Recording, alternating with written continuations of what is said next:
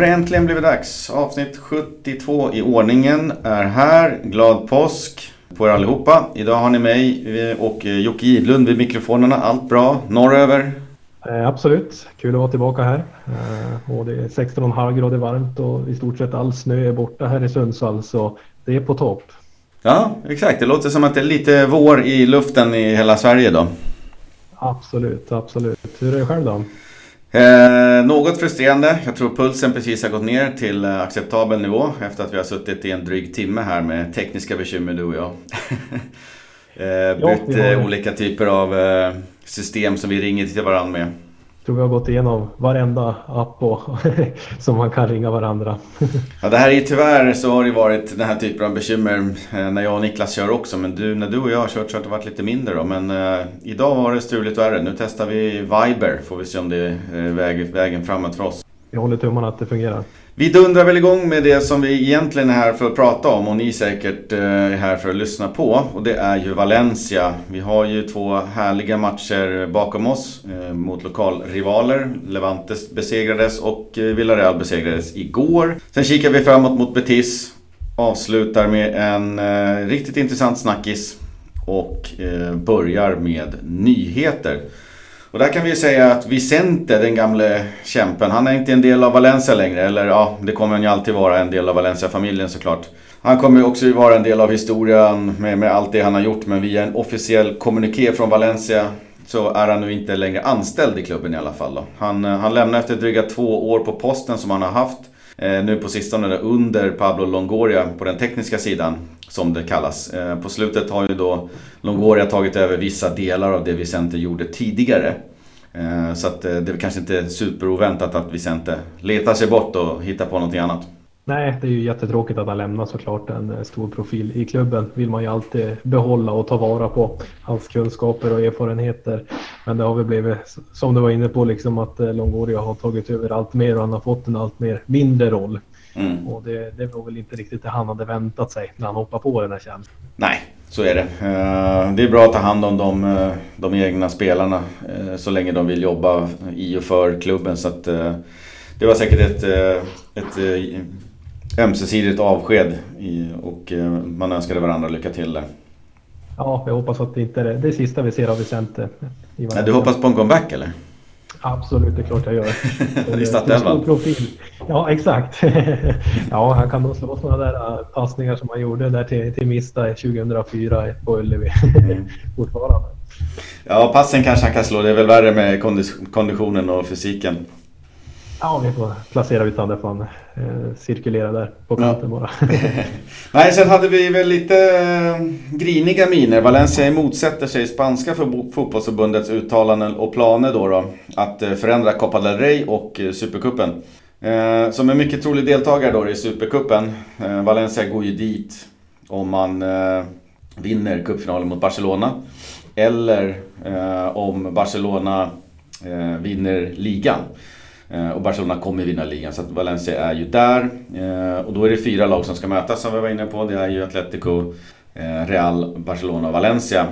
Och det motsätter sig Alemani och klubben. För man har inte kunnat vara med och, och tagit det beslutet eller varit med och säga sitt. Och de verkar vara... Beslutet verkar också vara taget då utan att fotbollsförbundet konsulterat varken något lag i ligan eller själva La Liga. Eh, samma sak gäller då beslutet att spela Copa del Rey i singelmatcher nästa säsong. Eh, där det sämre rankade laget får hemmaplansfavör om jag har förstått allting rätt. Eh, klubben kommer då att framföra alla sina åsikter på La Ligas möte som lämpligtvis då hålls eh, innan det spanska fotbollsförbundets möte. Då. Så att eh, Alemani och eh, grabbarna rustar för att framföra åsikter och försöka påverka det här till, till, till något bättre för Valencia. Då. Ja, det är ju märkligt att man utelämnar liksom klubb, klubbarnas eh, åsikt om det här helt och hållet. Att man bara ska ta ett eh, förhastat beslut. Och, visst, eh, de där stora lagen, Real Madrid, Barcelona, vill väl få ner antalet matcher då de lirar oftast i, i tre olika turneringar. Mm. Eh, Medan de här mindre lagen vill ju ha fler matcher, fler tävlingsmatcher och speciellt också ha ett dubbelmöte då, för att kunna dra mycket, dra mycket publik och sponsorer och så vidare. Så det, det är ju tråkigt. Jag tror också att, eh, precis som du säger, en klubb som Valencia då, jag vet inte om man Perifol kanske opponerar sig mot att man kör singelmatcher men eh, jag vet inte, det blir inte så många matcher hemma. Eh, och sen så stökar det till lite grann den här Supercupen då, stökar ju till i försäsongsplaneringen. Jag antar att de planerade, vi pratade om förra året, att de planerar att lägga den någonstans utomlands. Då ska Valencia flyga iväg dit och sen spela tre matcher där under en ganska kort tid får man anta. Istället för att helt själv då lägga upp sin försäsong med vilka matcher man spelar. Ja, det är, det är såklart. Förbundet ska ju inte hålla på och bestämma liksom vad vi, vad vi ska göra på försäsongen utan det tycker jag ska vara upp till klubbarna själva. Lite så. Sen kan det finnas som du sa lite ekonomiska intressen som, eh, som inte verkar vara hanterade i alla fall. Eh, där Valencia har lite åsikter om hur de ska hanteras då. Eh, men vi får se. Det blir spännande. Eh, jag uppfattar det som att de i stort sett har beslutat de här grejerna så vi får se om de ta tillbaks besluten då eller ändra på det på något sätt då? Ja, vi får följa upp det hela och återkomma i, i det. Sen hade vi lite skador då och på den fronten är ju Kondogbia hot shit i valenciansk och spansk media. Eh, hans blödning i muskeln skulle ju först då vara mer eh, eller mindre än man först trott. Eh, men nu har man då gjort en ny operation efter att han åkte in igen för en check. Och då Eh, är ju återhämtningstiden fortfarande väldigt oklar och hans deltagande i slutet av säsongen och då främst Copa del Rey-finalen som han har pratat om ser ju mycket, mycket mörkare ut. Men samtidigt så går ingenting att säga till 100%. Eh, det verkar väl dock krävas ett mirakel om han ska vara tillbaks innan eh, nästa säsong. Ja, mirakel har ju skett förut att man har kommit tillbaka tidigare än tänkt. Men eh, vi får nog utgå ifrån att han inte kommer finnas med resten av säsongen utan han får börja rehabba och ladda inför nästkommande säsong. Ja, väldigt tråkigt. Han behövs ju nu när Kondogbia också, nej, eh, Coquelin också haft lite skador och sådär. Så att det är lite tight på mittfältet. Vi skulle ju behöva alla de tre. Absolut och speciellt också när vi fortfarande tävlar i tre olika turneringar mm. så behövs honom. Alltså han kommer absolut vara saknad och vi håller tummarna att Coquelin fortsätter hålla sig hel nu då. Ja, verkligen. Sen hade vi Schaumes magsmärtor då som ser ut att ha fått en lösning och man tror att han snart är tillbaks i kollektiv träning. Han kör lite individuell träning än så länge så att uh, han är nog tillbaks snart. Och sen har vi Piccini då som kämpar för att komma tillbaks efter sin skada och gör framsteg hela tiden. Eh, kanske kan vara tillbaka mot Betis men annars är det matchen efter. Eh, Rodrigo är nog förhållandevis okej okay och fit for fight mot Betis. Ja, det är ju Rodrigo där som är viktigast av de tre skulle jag säga. Så ja. Han behövs absolut. Sen kan ju Vass gå in och, och göra en match där på högerbacken igen. Ja, och sen hade väl Parejo någon... Eh, missade någon träning här tidigare men han var ju tillbaka redan eh, igår så att... Eh, inga konstigheter med honom. Nej, där är det inga konstigheter. Eh, sen har ju även Valencia spanat in lite, lite transfers här också. Spännande. Eh, bland annat Eibars mittfältare Juan Jordan då. Är ju fostrad i Espanyol men har sedan 2017 tillhört Eibar. Eh, många minns nog nickmålet han gjorde mot oss i 2-1 förlusten förra året. Det var ju en väldigt grisig match, kommer du ihåg den? Mm, lite svagt. Inte så mycket minnesbilder av den här Jordan i alla fall. Nej, han gjorde ju 2-1 målet där i, slutminuterna. Eh, tyckte jag liksom kände igen namnet där. Han har nog gjort någonting elakt mot oss här så man fick ju googla fram och ja, det, där fanns det ju.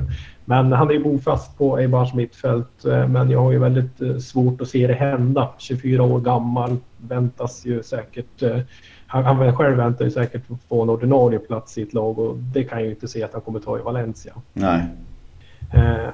Ytterligare spelare som jag har kikat på är ju Sergi Darde då.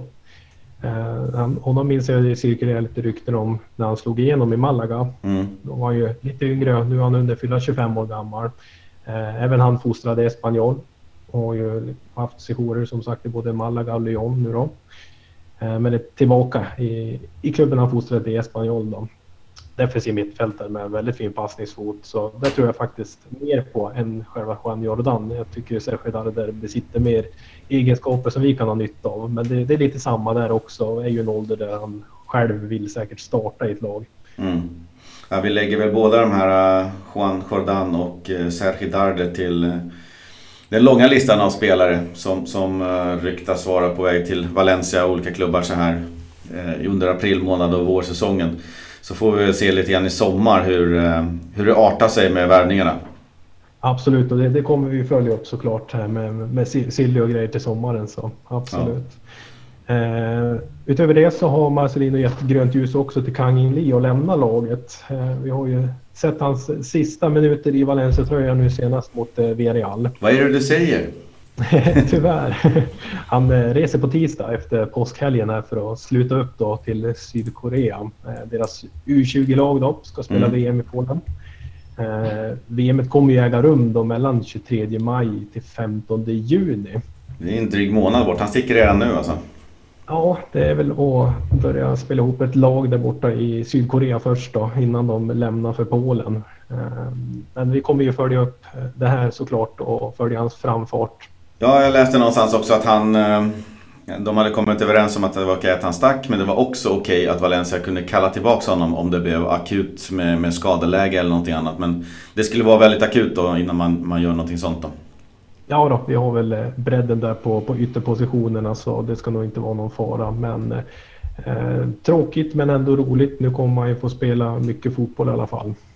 Ja, riktigt bra. Alemannia hade i veckan också uttalat sig lite grann om olika saker och vissa spelare. Då. Bland annat så var man ju väldigt nöjd med Kangin Lee och hans utveckling. De få minuter han har fått så hade han maximerat och gett...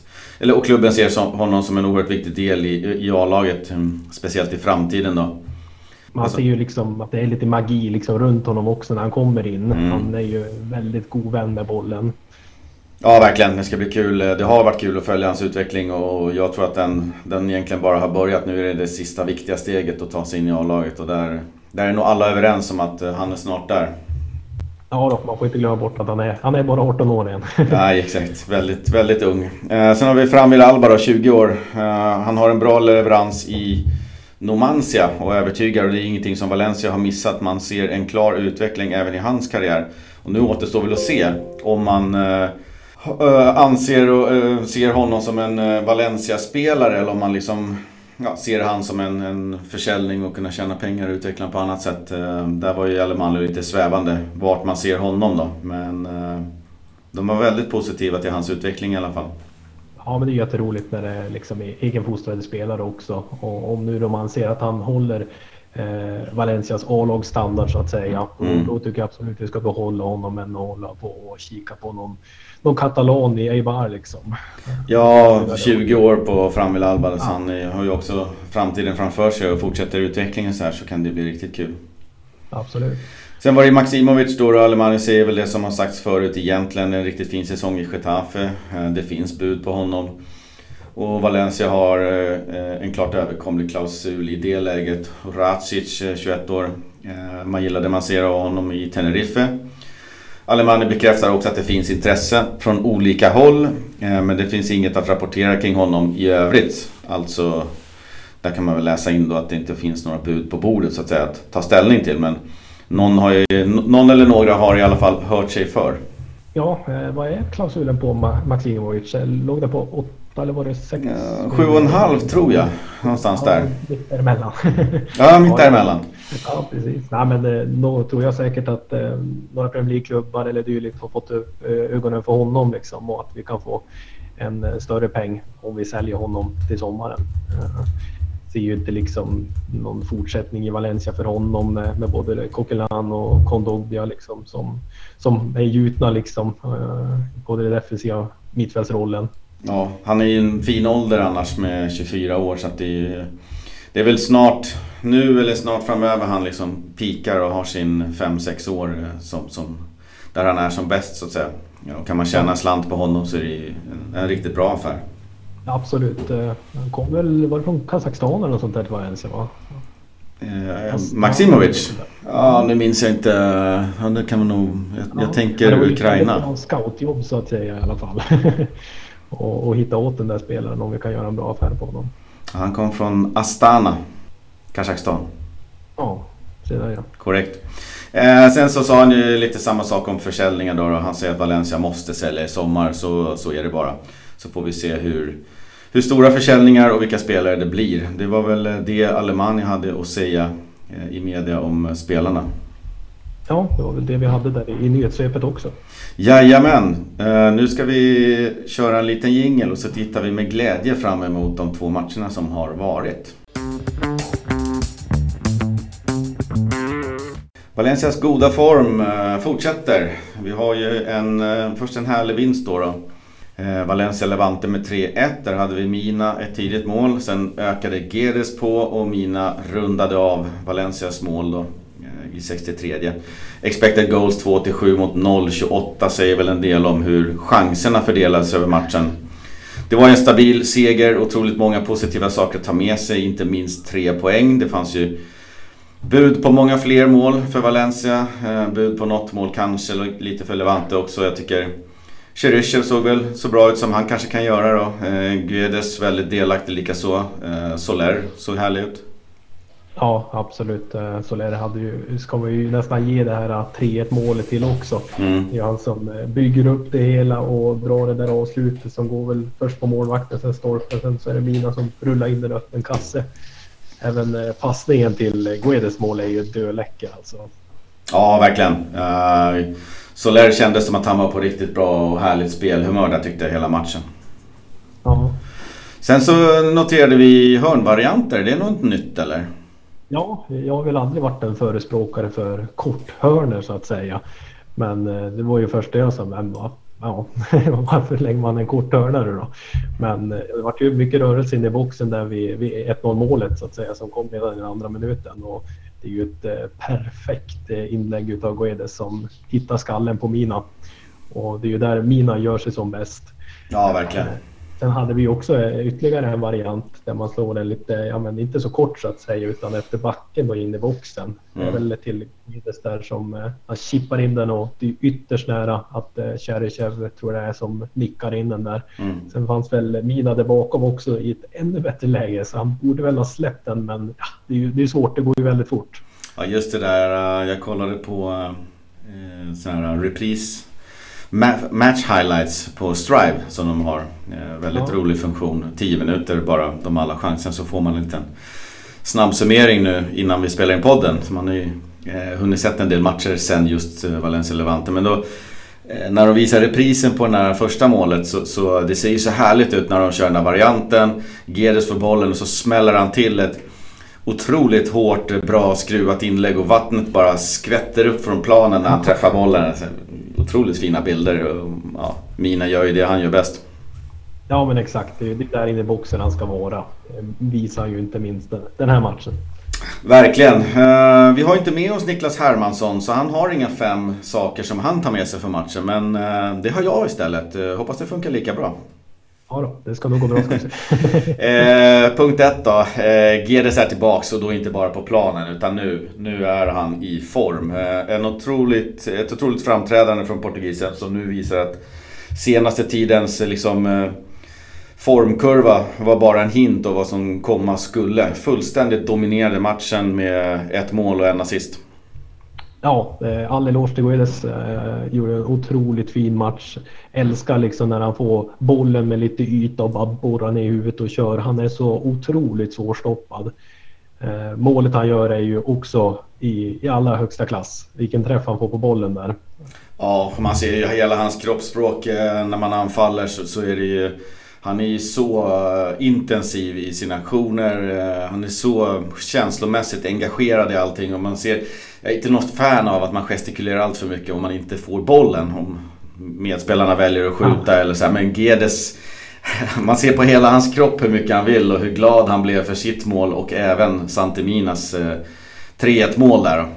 Bara springer ja. fram och kramas direkt är, det är ju mycket vinnarmentalitet i Guedes. Det, det har ju märkts och det får han väl hålla tillbaka lite grann ibland också när han gestikulerar inte på bollen. Men, Nej, och han hänger inte med huvudet längre lite som han Nej. gjorde där när han hade det lite tyngre. Nu är det ju liksom, han känner ju att han är bäst på plan. Han känner ju att han är med och levererar på det sättet han vill. Ja, ja men då, då, då, kommer det ena bra efter det andra så att säga. Han gör ju i stort sett inga misstag den här matchen och hade ju något distansskott som går, ja men det är väl en halv meter mm. utanför stolpen men det är ju ett sånt där äh, projektilskott som, som bara han kan göra i Valencia-tröjan. Ja, verkligen. den där träffen som är så fruktansvärt hårt och, och dyker liksom. Det, han kommer nog vara otroligt viktig här i de kommande matcherna och avgörande.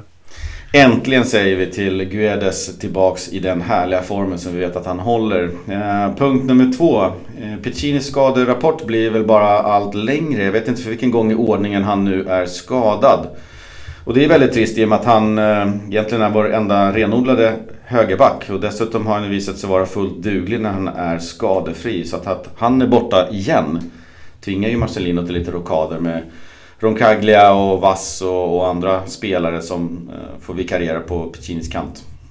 Ja visst, Vass kan gå in och, och göra jobbet liksom. Men en match som denna mot ett eh, Levante som eh, liksom kämpar för sin överlevnad. så, Men ser det ut så här liksom på Pecinis eh, skadefront eh, så då är ju en högerback ett måste i sommar. Eh, ett alternativ till Piccini. Ja, det kommer ju inte funka liksom och om vi ska fortsätta hålla på med tre turneringar, vara med i toppen av La Liga. Eh, så då, då funkar det helt enkelt inte att ha en sån här skadebenägen högerback och, och speciellt när vi bara har en så att säga. Mm. Det var punkt nummer två. Om vi kikar på trean då. Santimina. Han gör det han gör allra bäst. Han befinner sig i lägena och han rakar in enkla mål. Och man kan såklart tillskriva målen till de som spelar fram. Eh, Precis som vi sa att Soler gör ju ett fantastiskt förarbete till, till tvåan, eller trean där. Eh, men det spelar liksom ingen roll om det där förarbetet görs om inte Santimina letar sig fram till de här positionerna. Eh, och det där ligger ju hans briljans. Han sniffar upp lägena, han sniffar upp en situation på mils avstånd och ser till att vara precis där han behöver vara för att göra de där enkla målen. Det är en otrolig skill att uh, kunna göra just det. Uh, och ni som är gamla nog kanske minns Ian Rush i Liverpool eller Filippo Inzaghi i Milan och Juventus och kanske även Paco Alcacer i sina bästa former i sin bästa form eh, har ju de där egenskaperna. Vissa spelare har förmågan att förutse vad som händer innan det kommer att hända och sen leta sig in i rätt position för att peta in bollarna. Och där är ju Santemina en mästare. Man, de matcherna han är med och gör mål så tycker man att ah, men han är ju fantastisk, det är jättebra. Men när de här lägena inte dyker upp, eh, vilket ju inte Santemina alltid kan styra över, eh, så känns det oftast att han är blek, medioker, eh, att man, han är inte så delaktig i spelet. Och. Men det, han ska inte vara det. Han ska vara där och sniffa upp lägena och en match som mot Levante så, så gör han det briljant. Ja, han ska ju alltid vara där inne i boxen som sagt. Han ska absolut inte vara med och slå några passningar liksom i, i djupled eller ut på kanten eller dylikt eller vara någon form av bollhållare eller så utan han ska ju vara en riktig, riktig killer inne i boxen. Ja, och kollar man på en sån som Sasa då, då när han uh, hade sin fina form så var det mycket den typen av mål han också rakade in liksom. Han var på rätt position, på rätt plats, han gjorde jobbet så att han kom i lägena och sådär lite samma, samma skill kring, kring det där med att sniffa upp lägena. Eh, jämför man med Rodrigo då kanske så har han helt andra färdigheter. Men, men jag tycker inte mig se att han har någon, någon sån här gubben i lådan färdighet direkt. Utan de målen som Rodrigo gör det är en helt annan typ av mål. Ja, men Santemina är ju komplett i liksom avslutningssituationen. Mm. Det spelar ingen roll om man ska använda huvudet till höger eller vänster eller vad det nu kan vara för någonting. Så letar han sig dit och får in bollen på, på något sätt. Mm. Härligt att Santemina också eh, fick en sån här fin match och känner att han har också formen nu inför ligavslutningen. Jajamän, vad har vi på fyran där då? Ja, på fyran hade vi Kangen Lee som får andas lite La Liga-luft igen. Eh, ett inhopp i 78 minuter var nog precis vad sydkoreanerna behövde. Gjorde väl inget jätteavtryck men eh, såg spännande ut och verkar bättra för sig allt mer. Ja, det var lite som jag var inne på tidigare. Han, det hände ju någonting magiskt ändå över honom han får bollen. Mm. Eh, otroligt fin teknik och har en fin vänsterfot. Duktig på att vända upp och vända ifrån sin försvarare. Så han går ju en otroligt ljus tid till mötes. Så ja, vi önskar honom lycka till i, i U20V. Verkligen. Jag, jag, tyckte att han såg lite så här, mentalt lite mer bekväm ut i situationen. Han var inte liksom en... Uh, han var inte där för att se och lära uh, de här 12 minuterna plus tillägg då. Utan han kommer in och drämmer iväg ett skott ganska omgående som, som går tyvärr utanför. Men det känns som att han börjar känna, känna sig mer att här, här hör jag hemma nu. Det är, inte, det är inte kul att vara uppe och träna med A-laget längre utan jag är en av grabbarna. Ja men det är bra att han är uppe och, och vittrar liksom att han, att han har chansen att få göra det här inhoppet och att han har Marcelinos förtroende och, och få komma in i ändå en, en viktig match så att säga. Ja. Sen hade vi väl punkt nummer fem. Daniel Vass började centralt med Parejo och med facit i hand. Tre poäng i bakfickan och så vidare. Så var det väldigt intressant tycker jag att se honom i den rollen då han inte alls har haft den så mycket i Valencia. Snacket har ju då varit att han även kan fungera där som, som någon super Schweizer då. Eh, svaret vi fick var väl att han egentligen är ytterst begränsad i den dubbelpivån som det kallas. Eh, som han bildade med Parejo. Han står för en väldigt medioker insats tycker jag och ur vissa aspekter direkt dåligt. Eh, men han lyfte sig direkt till godkänt tycker jag när han flyttades ut på en kant och Marcelino bör nu, om han inte tidigare har förstått det, eh, att Vass inte är ett bra alternativ centralt. Eh, dock vill jag ju dra en liten lans av beundran för dansken som konstant får flytta runt och täppa till olika hål som läcker i, i båten så att säga. Eh, det är inte lätt att inte ha en fast position. Nej, det, han vet ju aldrig på förhand liksom ska jag spela högerback in i mitt fält eller ska vi ha ytter, höger eller vänster. Eh, han har ju ingen aning vart Marcelino kommer placera honom och, eh, och beroende på skadesituation, avstängningar och så vidare så hoppar ju han in där han behövs. Ja, verkligen. Eh, men som sagt, förhoppningsvis då så ser, behöver han inte hoppa in så mycket på centralt mittfält. Men eh, med Kondogbia borta och Eh, Coquelin eh, avstängd här nu i nästa match mot eh, Arsenal så, så, mm, så får vi se. Vass eller Soler? Jag, jag röstar ju på den sista efter att ha sett den här matchen. Ja, jag håller med dig till, till fullo. Eh, absolut ska Soler gå före Vass på det centrala mittfältet. Det var mina fem punkter och det var ju nog Valencia Levante. Eh, där. Så kikar vi vidare på nästa seger. Den var ju igår kväll. Då var det Valencia, Villarreal 2-0. Det blev 5-1 totalt. Eh, Lato inledde målskyttet. Guedes assisterade. Vi hade Parejo eh, som han vallade en frispark eh, på muren. Eh, Väldigt svårt för målvakten att ta den. Men det var ju en på förhand avgjord match efter 3-1 på bortaplan. Villarreal bjöd inte upp till dans och Valencia är vidare nu i semifinal mot Arsenal som spelas då den 2 maj och den 9 maj. Och Valencia börjar borta i biblioteket, Emirates. Eh, så avslutar man hemma på Mestalla. Ja, det var ju eh, en match som var ganska död så att säga. Mm. Det blev ju aldrig riktigt spännande. Uh, vi kommer in på, på målen lite senare här också. Uh, men Lato uh, gjorde det ju väldigt bra så att säga som inte alls har spelat speciellt mycket och suttit mycket liksom bänk och på läktaren. Så det är kul att han tar vara på chansen när han får den. Ja, verkligen. Han har ju gjort det motsatta ett par gånger tycker jag på, i år. Att inte tagit vara på chansen när han får den. Men nu tyckte jag att han visade upp en eh, klart förbättrad eh, insats. Då. Eh, det var ju ett ihållande regn hela matchen och det gav lite speciella förutsättningar. Eh, men i, i matchen, det var ju aldrig något, något snack om det. Självförtroendet hos Villarreal är inte på plats och om sanningen ska fram så gör de nog helt rätt i att sikta på sin La Liga-existens istället för den här Europa League-matchen. Ja, ja men absolut. Eh, de hade inte mycket att hämta här på Mestalla och som du är inne på då slåss för sin överlevnad i La Liga och eh, de kan ju inte åka ur så att säga med den, den truppen de ändå har så tycker jag att de besitter kvaliteter så att de, de hör hemma i La Liga. De bänkade ju bland annat Fornals och det säger väl en hel del. Ja, Ja men precis, det är ju en bland de vassare lirarna så att säga i truppen. Så att eh, de, de går nog all in här på La Liga istället. Så är det. Ska vi börja kika på de fem punkter att ta med sig från matchen och den här gången är det dina fem punkter. Ja, jag fick gneta ihop fem stycken punkter här då eh, efter matchen igår. Och det, det, var ju inte speciellt svårt så att säga, även fast det var en ganska avslagen match så, så hittar man ju lite bra saker att ta med sig. Uh, nu var ju du inne på, uh, på förra matchen här hur du sågade Vasta om jag får mm. säga så. Men uh, jag tycker att han är planens bästa spelare sett de två matcherna. Mot eh, Villarreal då, då? Alltså ja, borta, borta hemma? Borta hemma, mm. så att säga. I Levante? Ja, avgörande mål i, i första matchen såklart. Eh, riktig kanon med vänsterdojan. Mm. I andra mötet så stänger han ju verkligen ner sin, sin kant när han spelar högerback. Eh, släpper ju inte förbi sin gubbe, vare sig det är Pedraza eller Jaume Costa som kommer där i full mm. Eh, visst en begränsad spelare som sagt, men han gör jobbet i de här två matcherna. Ja, jag håller med. Uh, Vass uh, har visat upp en fin, uh, fin form på, i, de här, i det här dubbelmötet och fick ju kröna, kröna det hela i första matchen med, med det snygga målet. Ja men exakt. Punkt nummer två. Yes. Tar jag fram Latos första balja här i Valencia-tröjan. Ja. Det var Snyggt. riktigt roligt. Ja, verkligen.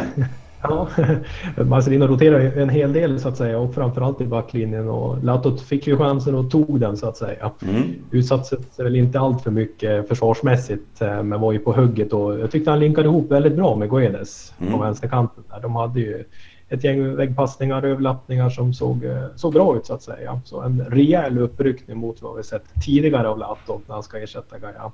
Ja, Gaia har ju en Eh, Eh, en kompetens. Han är ju farlig framåt. Han är ju ganska fräsig eh, i anfallen. När eh, Valencia då tillåts spela det spelet mot kanske lite sämre lag ibland. Och där var ju Lato lika bra i den här matchen tyckte jag. Han var väldigt frejdig och offensiv och med. Tog för sig där framåt så att det var riktigt kul att se. Ja, ja men absolut. Det var riktigt roligt. Och målet så vill man ju också lyfta ju väldigt tekniskt utfört. Mm. Eh, när han får det där inlägget så bollen kommer ju väldigt högt ovanifrån och han är ju otroligt kylig som sätter dit lite om bredsidan och placerar in den i bortre istället för att eh, gå på kraft liksom. Mm. Med tanke på hur lite han får spela, hur liksom omatchad han är så tycker jag att eh, det ska lyftas. Han är verkligen iskall i avslutet. Ja, det betyder säkert en hel del för Latte också att få göra det första målet på Mestalla där han har gått och tittat på Valencia sen barnsben. Ja, eh, punkt nummer tre. Yes. Eh, Soler centralt. Jag kunde ju inte undvika att ta med det som jag har längtat och, och tjatat om detta. Mm. Och äntligen så fick vi se honom centralt igen. Eh, gjorde en bra insats tycker jag och fick lik Parejo som brukar vara den här gubben som går, sjunker ner i planen och hämtar boll i backlinjen och driver upp och levererar bollar i djupled och ut på kanterna. Mm. Det, det jobbet tyckte jag att han gjorde bra. De var som att de delade på den här dirigentrollen så att säga. Eh, och ett par räder också eh, gjorde han ju offensivt med någon tvåfotare och levererade passningar på läppen. Dock så var det inte så länge eh, då han blev utbytt då, i halvtid till förmån från Paulista. Det, var det någon skada eller? Nej, jag uppfattar det inte som så. Utan det var nog mer att ja, matchen kändes avgjord och han försökte positionera ut de uh, spelare på bänken som kanske ska lira lite mer här redan i helgen och så vidare. Ja, men precis. Så fick ju Vass eh, kliva upp och så Roncaglia gick väl ut på högerbacken då i samband med det bytet att Paulista kom in. Ja, det var jättekul att se. Jag var otroligt spänd inför matchen och tänkte äntligen, nu händer det. Nu ska han få spela centralt. Och det fanns mycket positiva saker att ta med sig. Eh, däremot så tycker jag inte att han gör någon sån här eh, femstjärnig insats så att säga. Eh, och vilket kanske inte behövdes heller i en väldigt avslagen match på i den här drabbningen då. Så att, det lovar ju gott inför framtiden i alla fall. Ja absolut, jag menar inte att höja honom till, till skyarna liksom. Nej, nej. Inte en 5 av 5 plus så att säga. Utan det, det, är mer att man har längtat så otroligt ja. mycket och se centralt hur han funkar där. Och mm. jag tycker att eh, om du jämför dem med de andra alternativen vi har haft där så är, är det inget snack om saken. Liksom. Det är klart att Soler ska ta den där mm, mittfältpositionen i, på, det, på det inre mittfältet. Ja, baserat på eh, Levante-matchen då där Vass spelade en halvtimme centralt och så Jämför man det med Solares 45 eh, minuter då, centralt nu igår mot Villarreal så tycker jag att Soler visar ju mer att han ska ha den platsen. Ja. Eh, punkt nummer fyra. Yes. Eh, vill jag lyfta Garays betydelse. Eh, så många gånger som vi har gjort det innan och man kan inte undvika att göra det igen. Eh, den här mannen betyder otroligt mycket för mittlåset och försvarsspelet. Och Diakabir och Kaglia kändes ju på förhand skakigt eh, när det blev de här rotationerna från Marcelinos sida. Och vi fick ju bevittna det också, mm. som vi befarade. Dock så blev det ju utan konsekvenser när vi inte lyckades göra något mål, men de båda två såg ju väldigt skakiga ut, både i sina idiotrensningar, passningar mitt in i slottet så att säga, som gick till en Villarreal-spelare. Så det såg riktigt skakigt ut. Ja, jag tycker de eh, stundtals tycker jag att de individuellt gör relativt bra insatser eller relativt bra saker i alla fall. Sen så ser man att samspelet finns ju inte där riktigt mellan Rokaglia och Diakabi. Eh, och båda de eh, är ju väldigt förtjänta av att spela med en spelare som, som Garay som är så otroligt lugn och, och skicklig i det han gör. Så att, eh, ja, jag håller med dig om den spaningen. Ja, det märktes ju också att i halvtid när Paulista kom in så blev det ju inte samma oro så att säga. Han styrde väl upp det där rätt så bra också. Det var ju framförallt i första halvlek som man såg tendenser av det här då. Mm. Sista eh, punkten då? Ja men precis, sista punkten. Uh, och här är det ju med en tår i ögat att säga att Coquelin blir avstängd då. Mm. Eh, mot sin gamla klubb Arsenal. Det var ju i matchens sista minuter som fransmannen blev varnad och missade det här mötet på, på Emirates. Eh, visst är man färgad till, till 100 procent, det är ingen snack om saken, men jag tycker ju att eh, bollen studsar ju på, är det mage, höften eller dylikt och sen upp på armen i mina ögon så är ju inte det här gult och jag, jag hoppas att det går att bestrida. Vi har ju fått igenom sådana här beslut tidigare men det var väl mer i, i ligaspelet. Det var väl Parejo va? Ja, det var Parejo senast. Avstängd mot Rayo tror jag det var va? Eh, men som, som vi fick igenom så att säga. Så jag hoppas att vi kan göra någonting liknande här men vi får väl se om eh, Uefa eh, är lika snälla som La Liga. Ja, jag håller med. Eh, skottet går ju mot hans kropp eh, och studsar sen upp på armen och det tycker ju inte jag riktigt är att eh, betecknas som gult. Visst så är väl armen i någorlunda onaturlig position men det är ju, nej jag håller med. Det där, jag tycker inte att det är gult. Jag tycker man ska, bör kunna ha bättre magkänsla som domare. Ja, och hoppas att Valencia överklagar. Ja, man måste ju värdera läget också. Det är ju en otroligt viktig spelare nu också när Kondogbi är borta. Självklart kommer ju inte liksom domarbasen ta, ta hänsyn till det, våran mm. liksom skadesituation. Men det känns ju otroligt surt att eh, Coquelin ska missa bortamötet på sin gamla klubb Arsenal på Emirates för den där situationen. Det svider ju extra mycket. Ja, han kan ju verkligen behövas i en sån match också som man misstänker att eh, Arsenal kommer styra lite grann. Han känner igen sina gamla lagkamrater där eh, och kommer säkert eh, spelas i ett väldigt, väldigt högt tempo och där är ju Coquelin bra. Eh, inte minst i den defensiva delen om Arsenal har boll att vara med och störa och försöka stoppa anfallen. Så att eh, ja, väldigt trist om man missar den matchen. Ja, det är riktigt tråkigt. Men det var de två. Nu ska vi kika framåt mot Betis och sen ha en liten snackis.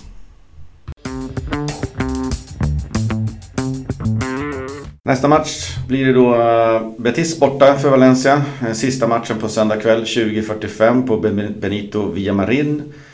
Yeah. Återigen en eh, otroligt viktig match i jakten på Champions League-platser. Och som Niklas så väl sa i förra poddavsnittet så är nog Valencias livlinor slut. Man kan inte längre varken ringa en vän eller byta fråga. Det är bara vinst som räknas här. Ja, absolut. Jag gillar parallellen där till Postkodmiljonären. Den ja. är aldrig, aldrig fel att dra i de här lägena. Nej, men det är ju bara vinst som räknas om vi ska vara med och eh, ta den här fjärde platsen. Ja, livlinan är som sagt slut. Jag tror att en förlust eh, så kan man ju halka då en fem poäng efter och det blir svårt att hämta eh, om, om man ger Sevilla eller då möjligtvis Getafe den typen av luckor här. Så att eh, det gäller Å andra sidan eh, är det bättre eller viktigare då att sätta press på dem hela tiden också. Valencia har ju här återigen fördelen av att spela sist och så man vet liksom eh, hur det gick för de andra. Ja, men vi vet ju utgångsläget för de andra lagen på förhand och då kanske man kan motivera spelarna ännu mer ifall de tappar en poäng till exempel. Mm. Sen hade vi ju Betis då som vi ska besöka. Eh, kommit till matchen med lite hugg på Europa League-plats. Men i dålig form. Förlust senast i El Grand Derby mot Sevilla kanske hänger kvar lite grann. Ja, vi får hålla tummarna på det. Eh, såg matchen också. Eh, det var ju full fart som det brukar vara i de här eh, Andalusien-derbyt så att säga. Ja, och, och, vi har pratat om det tidigare. Det kan vara lite tufft att mobilisera kraft efter, efter en sån match. För man lägger så mycket mental energi just på matchen. Men nu har de haft en vecka på sig att smälta där och ladda upp. Så att det blir klurigt. Betis borta är alltid klurigt. Eh, de ser dessutom ut att kunna komma till matchen helt utan skador och avstängningar. Medan eh, i Valencia så är det väl Jaume då och eh, Kondogbia som ser ut att vara borta. Sen är det tveksamheter kring Piccini bland annat och lite så. Men vi får se. Ja, vi får se hur det, hur det artar sig och Kondogbia liksom är ju inte någonting som kommer som någon nyhet. Eh, inte Chamé heller. Nej. Så, så, man skulle kunna säga att eh, likt Betis så kommer vi till matchen fullt medvetna i alla fall om våra skador och avstängningar. Ja, så är det. Eh, sen har vi ju tabelläget då. Eh, med 6 poängs avstånd till Valencia så placerar sig Betis på en nionde plats och de kämpar ju såklart också för de vill ju även de spela Europa nästa år. Mm. Eh, den här satsningen de har gjort också i transferfönstret har ju värvat in eh, några stora tunga namn på det mittfältet där med eh, Carvalho, William Carvalho till exempel. Så att jag tror ju de här spelarna vill ju spela ut i Europa så att de kommer nog Eh, slå, slåssa bara den för att knipa en trepoängare mot Valencia. Verkligen, Europa League eh, i det här läget är ju det enda de siktar på. I, i annars så, så är ju säsongen i stort sett över skulle jag väl tänka mig om Valencia tar och vinner här så, så är det lite för långt eh, upp. Ja, vi kan ju verkligen sticka kniv i det då. Med, mm. med att vinna den här matchen så är ju de så gott som avhängda från Europaspel. Eh, senast lagen möttes var ju i dubbelmötet i Copa del Rey också och där slutade ju första mötet 2-2 och sedan mm. då 1-0 på Mestalla. Och härligt tryck på Mestalla, jag minns matcherna eh, riktigt fint och det kändes tyckte jag i de matcherna som att Valencia hade lite, lite övertag på Betis eh, kvalitetsmässigt så att säga och då var ju ändå Valencia i början av sin den här eh, form eh, toppen eller vad man ska kalla det för. Var det ja. 19-20 matcher nu med, med en förlust bara. Det här var ju i början av den stinten. Ja men precis. Och, men som, som vi är inne på, det är ju en eh, lite vinna och försvinna match om eh, Getafe och eh, Sevilla vinner sina båda matcher. Så är det ju ett måste för oss att kamma hem tre poäng. Ja, gör vi inte det då blir det fem poäng till Sevilla och eh, fyra poäng till Getafe. Och skulle då Betis förlora så är de ju åtta poäng efter eh, Getafe skulle jag väl säga. Eh, så, så eh, då är nog deras säsong över. Hämta hem åtta poäng på fem matcher, det blir tufft alltså. Det blir tufft. Men eh, den ser vi verkligen fram emot. Inte missa. Det är bara käka middag och rensa soffan på folk och slå det ner. Eh, kvart i nio drar det igång på Strive som vanligt.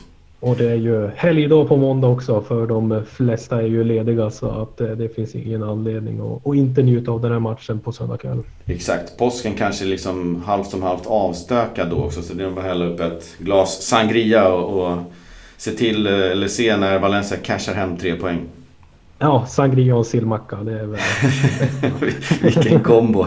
sillmacka Eh, vi kikar väl på snackisen då. Eh, sista punkten eh, innan vi går in på scorecasten. Och det är en klockren snackis den här veckan och det är ju såklart eh, försäljningen av marken som Mestalla står på. Vad sägs om det? Ja, det är ju med, med en tår i ögat man läser dessa nyheter. Uh, som jag har märkt det så är ju ingenting hundraprocentigt klart men vi har väl aldrig varit så här nära någon gång. Nej. Uh, och att uh, Mestalla ska jämnas med, med marken gör ju ont i Valencia-hjärtat. Ja, så är det. Vi har ju pratat om det här jättemånga gånger och det har ju skrivits spaltmeter och om vi bortser från alla de här tio åren som bygget står stilla så, så har ju nu på slutet Deloitte klivit in, amerikanska konsultföretaget och de säger till att det händer grejer precis som vi pratade om eh, redan i, höstas då. Mm. Eh, Lim är ju kvar i Valencia då och nyheterna kring försäljningen av Mestalla rasar ju in. Det ska ju nu ha kommit in ett okej bud eh, och man har skrivit ett avtal där Valencia har accepterat budet. Eh, en hel del arbete kvarstår dock innan allt är i hamn. Men så här långt fram i marschen så har vi nog aldrig sett eh, projektet då. Jag vill ju poängtera då också här att det fortfarande på många sätt kan gå i stöpet. Det återstår massor av förhandlingar och detaljer och beslut innan det är klappat och klart. Men nu, det man har gjort nu det är att man mer eh, officiellt accepterat att det har kommit in ett bud som möter de kriterierna man haft i det här läget. Och att arbetet nu kan fortskrida då med någon form av, som man ibland kallar det för due diligence då. Eh, där man går igenom anbudet, man går igenom planerna, man går igenom ekonomin och allt annat i minsta detalj. Det är inte så att man liksom eh, skickar iväg byggkranarna till nya Mestalla i det här läget. Utan det är otroligt långt kvar tills dess. Man har kommit överens om att budet som har kommit in är av sådan art att man kan fortsätta arbetet. Ja, eh, men som sagt det, är ju en väldigt gammal arena, över mm. hundra år gammal. Mm. Betong och så vidare som vi pratade om innan matchen och sånt där. När, när saker blir gammalt, det kommer ju en tid då det måste rivas och mm. tyvärr så har vi väl kommit till den tidpunkten att det är dags eh, för en ny arena och att de tar upp bygget på, på Nomestaja igen då. Ja, verkligen. Det är ju med tår Eh, såklart. Eh, budet som har kommit in nu ska ju vara över 120 miljoner euro. Eh, och i så fall helt accepterbart för att fortsätta med planerad ekonomi. Och de som nu har lagt in det ledande budet och möjligtvis faktiskt det enda budet på Mestallas mark är ju ADU Mediterraneo. Och det är ett bolag då som frontar ett kollektiv av investerare och företag som är redo att satsa på det här. Den totala investeringen som det här bolaget eller kollektivet eh, avser att göra ligger på dryga 400 miljoner euro. Eh, och planen är då att bygga fem stycken eh, skyskrapor tänkte jag säga, men höghöjdshus, bostadshus med 20 våningar på varje. Kommer bli totalt 485 lägenheter. Kostnaden 400 miljoner euro då täcker då köpet av marken som Mestalla står på, rivningen av Mestalla och byggnationen av de nya bostadshusen. Ja, det ty tycks i alla fall bli någonting som är gynnsamt för, för staden med, mm. med bostäder. Och det, det, är ju såklart ett bra sätt eh, och det ser ju också snyggt ut mot eh, det, folket eh, som bor i Valencia. Mm. Det är det här man vill göra utav marken. Och sen blir det ju då lite affärslokaler, lite butiker, lite restauranger som jag pratat om tidigare. Det, fin det finns ju riktlinjer för vad man får bygga på den här marken. Och med 400 miljoner euro, det är en hel del, 4 miljarder svenska. Eh, jag tror att den dyraste lägenheten då enligt de priserna som de pratade om skulle ligga på ungefär 5 miljoner. Så det är bara att lägga handpenningen direkt där Marcus? Ja exakt. Manolo eller Bomba han får väl sälja puben där nere sen och köpa en lägenhet i de nya.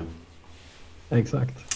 Nej, sen finns det lite villkor kring det här då. Valencia har bestämt då ett, att ett villkor är att det här konsortiet då, eller bolaget med kollektivet att de har då 70% av kollektivet, investerarna bakom sig.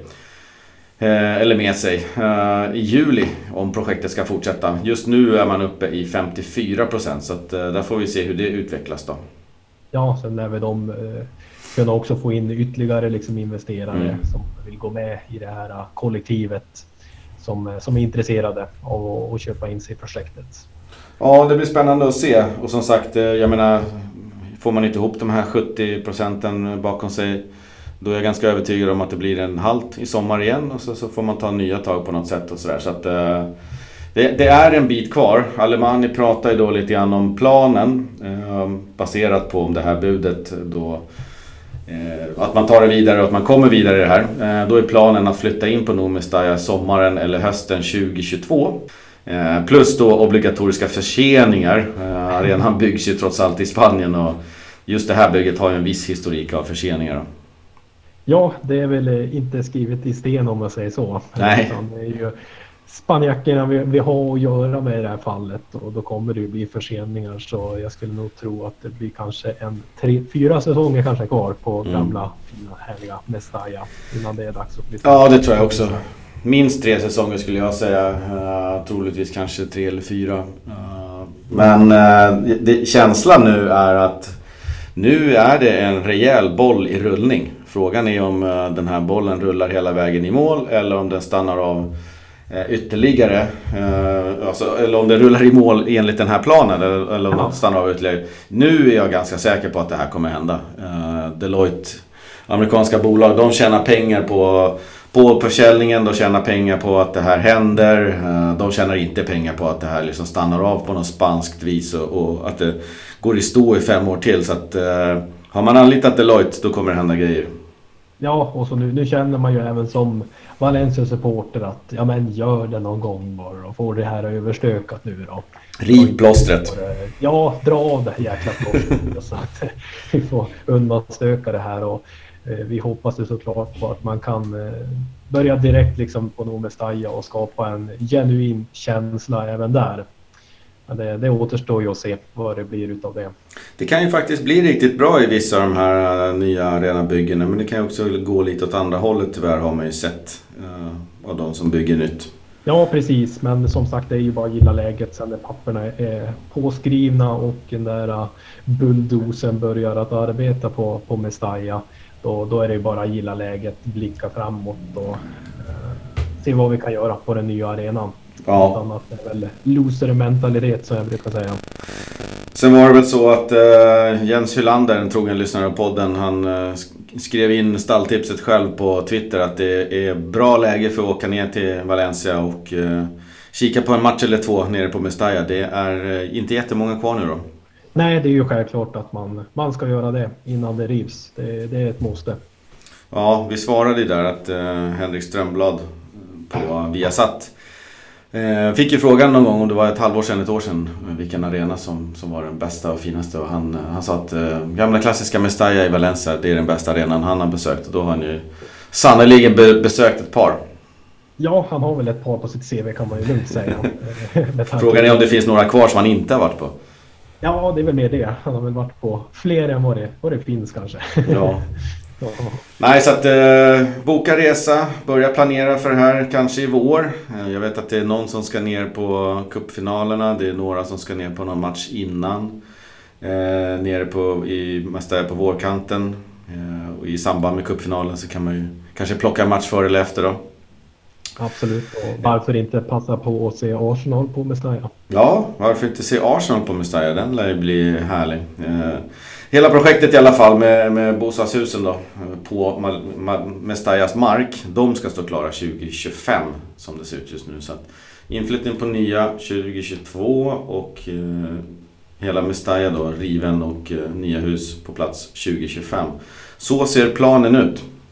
Och vi tar väl och stänger igen snackisen där med en liten, liten tår i ögat ändå. Men eh, känner ändå att vi behöver rapportera hur det ligger till där. Och jag är övertygad om att det kommer komma massvis med nyheter kring det här. Så vi håller ett vakande öga på situationen och delger er vad som händer. Det är inget, inget man kan undvika att prata om även fast det, det gör lite ont. Mm, så är det. Eh, men en liten scorecast då. Här hade vi Hans Christian. Han hade 3-1 här senast mot Levante. Mycket bra med en eh, Parejo som målskytt. Det ger ju två det poäng. Så att han... Eh, fingertoppskänsla där alltså. Ja, exakt. Han var grym. Uh, och sen fanns det en hel del som fick en poäng då, då för seger. Uh, såklart, så att det börjar väl tajta ihop sig. Inte jättemånga kvar. Vi fick in ett scorecast igår på Villarreal också. Uh, däremot så kör vi inte scorecasten på något annat än La Liga-matcherna bara. Men... Eh, räkna annars för din del. ja, det blir rätt mycket att räkna. Men har du någonting inför eh, Betis borta på söndag? Ja, eh, jag kan ju inte annat än att och vilja och tro på en, eh, på en seger i det här fallet. Men jag tror på en väldigt tight match. Mm. I och med att det har varit mycket matcher nu på sistone så är ju spelarna lite slitna. Men jag tror på en 2-1 seger. Det låter bra. Och så petar vi in Rodrigo som första målskytt där. Jag tror han är riktigt sugen på att göra ett mål efter att ha vilat upp sig här nu. Ja, och Niklas är ju som alltid med. Eh, han tror på lite målrikare. 2-4. Se där. Självklart så är det Guedes. Jag tror att han behöver casha in lite poäng på Guedes. Han har tippat väldigt må många gånger på honom och nu när han är i den här formen så känner han väl att han ska få sina rättmätiga poäng för Guedes som första målskytt. Ja, det är ju dumt att sluta nu när han är i den här formen. Ja. Jag tror på ännu tajtare. 0-1 säger vi. Så... Ja, det blir ju svårt att inte ta med Geres. Så jag tar honom också här. Lite fegtippar. Ehm, kolla på hur Niklas gör. på Niklas där. Ja, tar du på Niklas så får vi se. Men nej, den formen han är i nu så, så han kan ju knappt undvika att göra mål. Nej, nej, men självklart. Eh, man hoppas att han stänker in en balja. Han får göra, gärna göra det andra målet som jag tippar. ja, det är bra. Du får bestämma allt liksom. Det blir 2-1 ja. och Rodrigo första, Gedes får göra andra.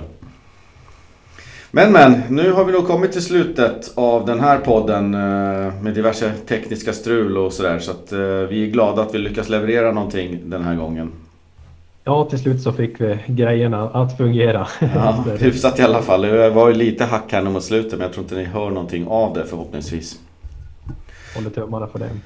Då så, då ska jag kasta mig ut i den svenska fina härliga våren här. Så får jag önska dig och alla, allihopa ett hasta luego.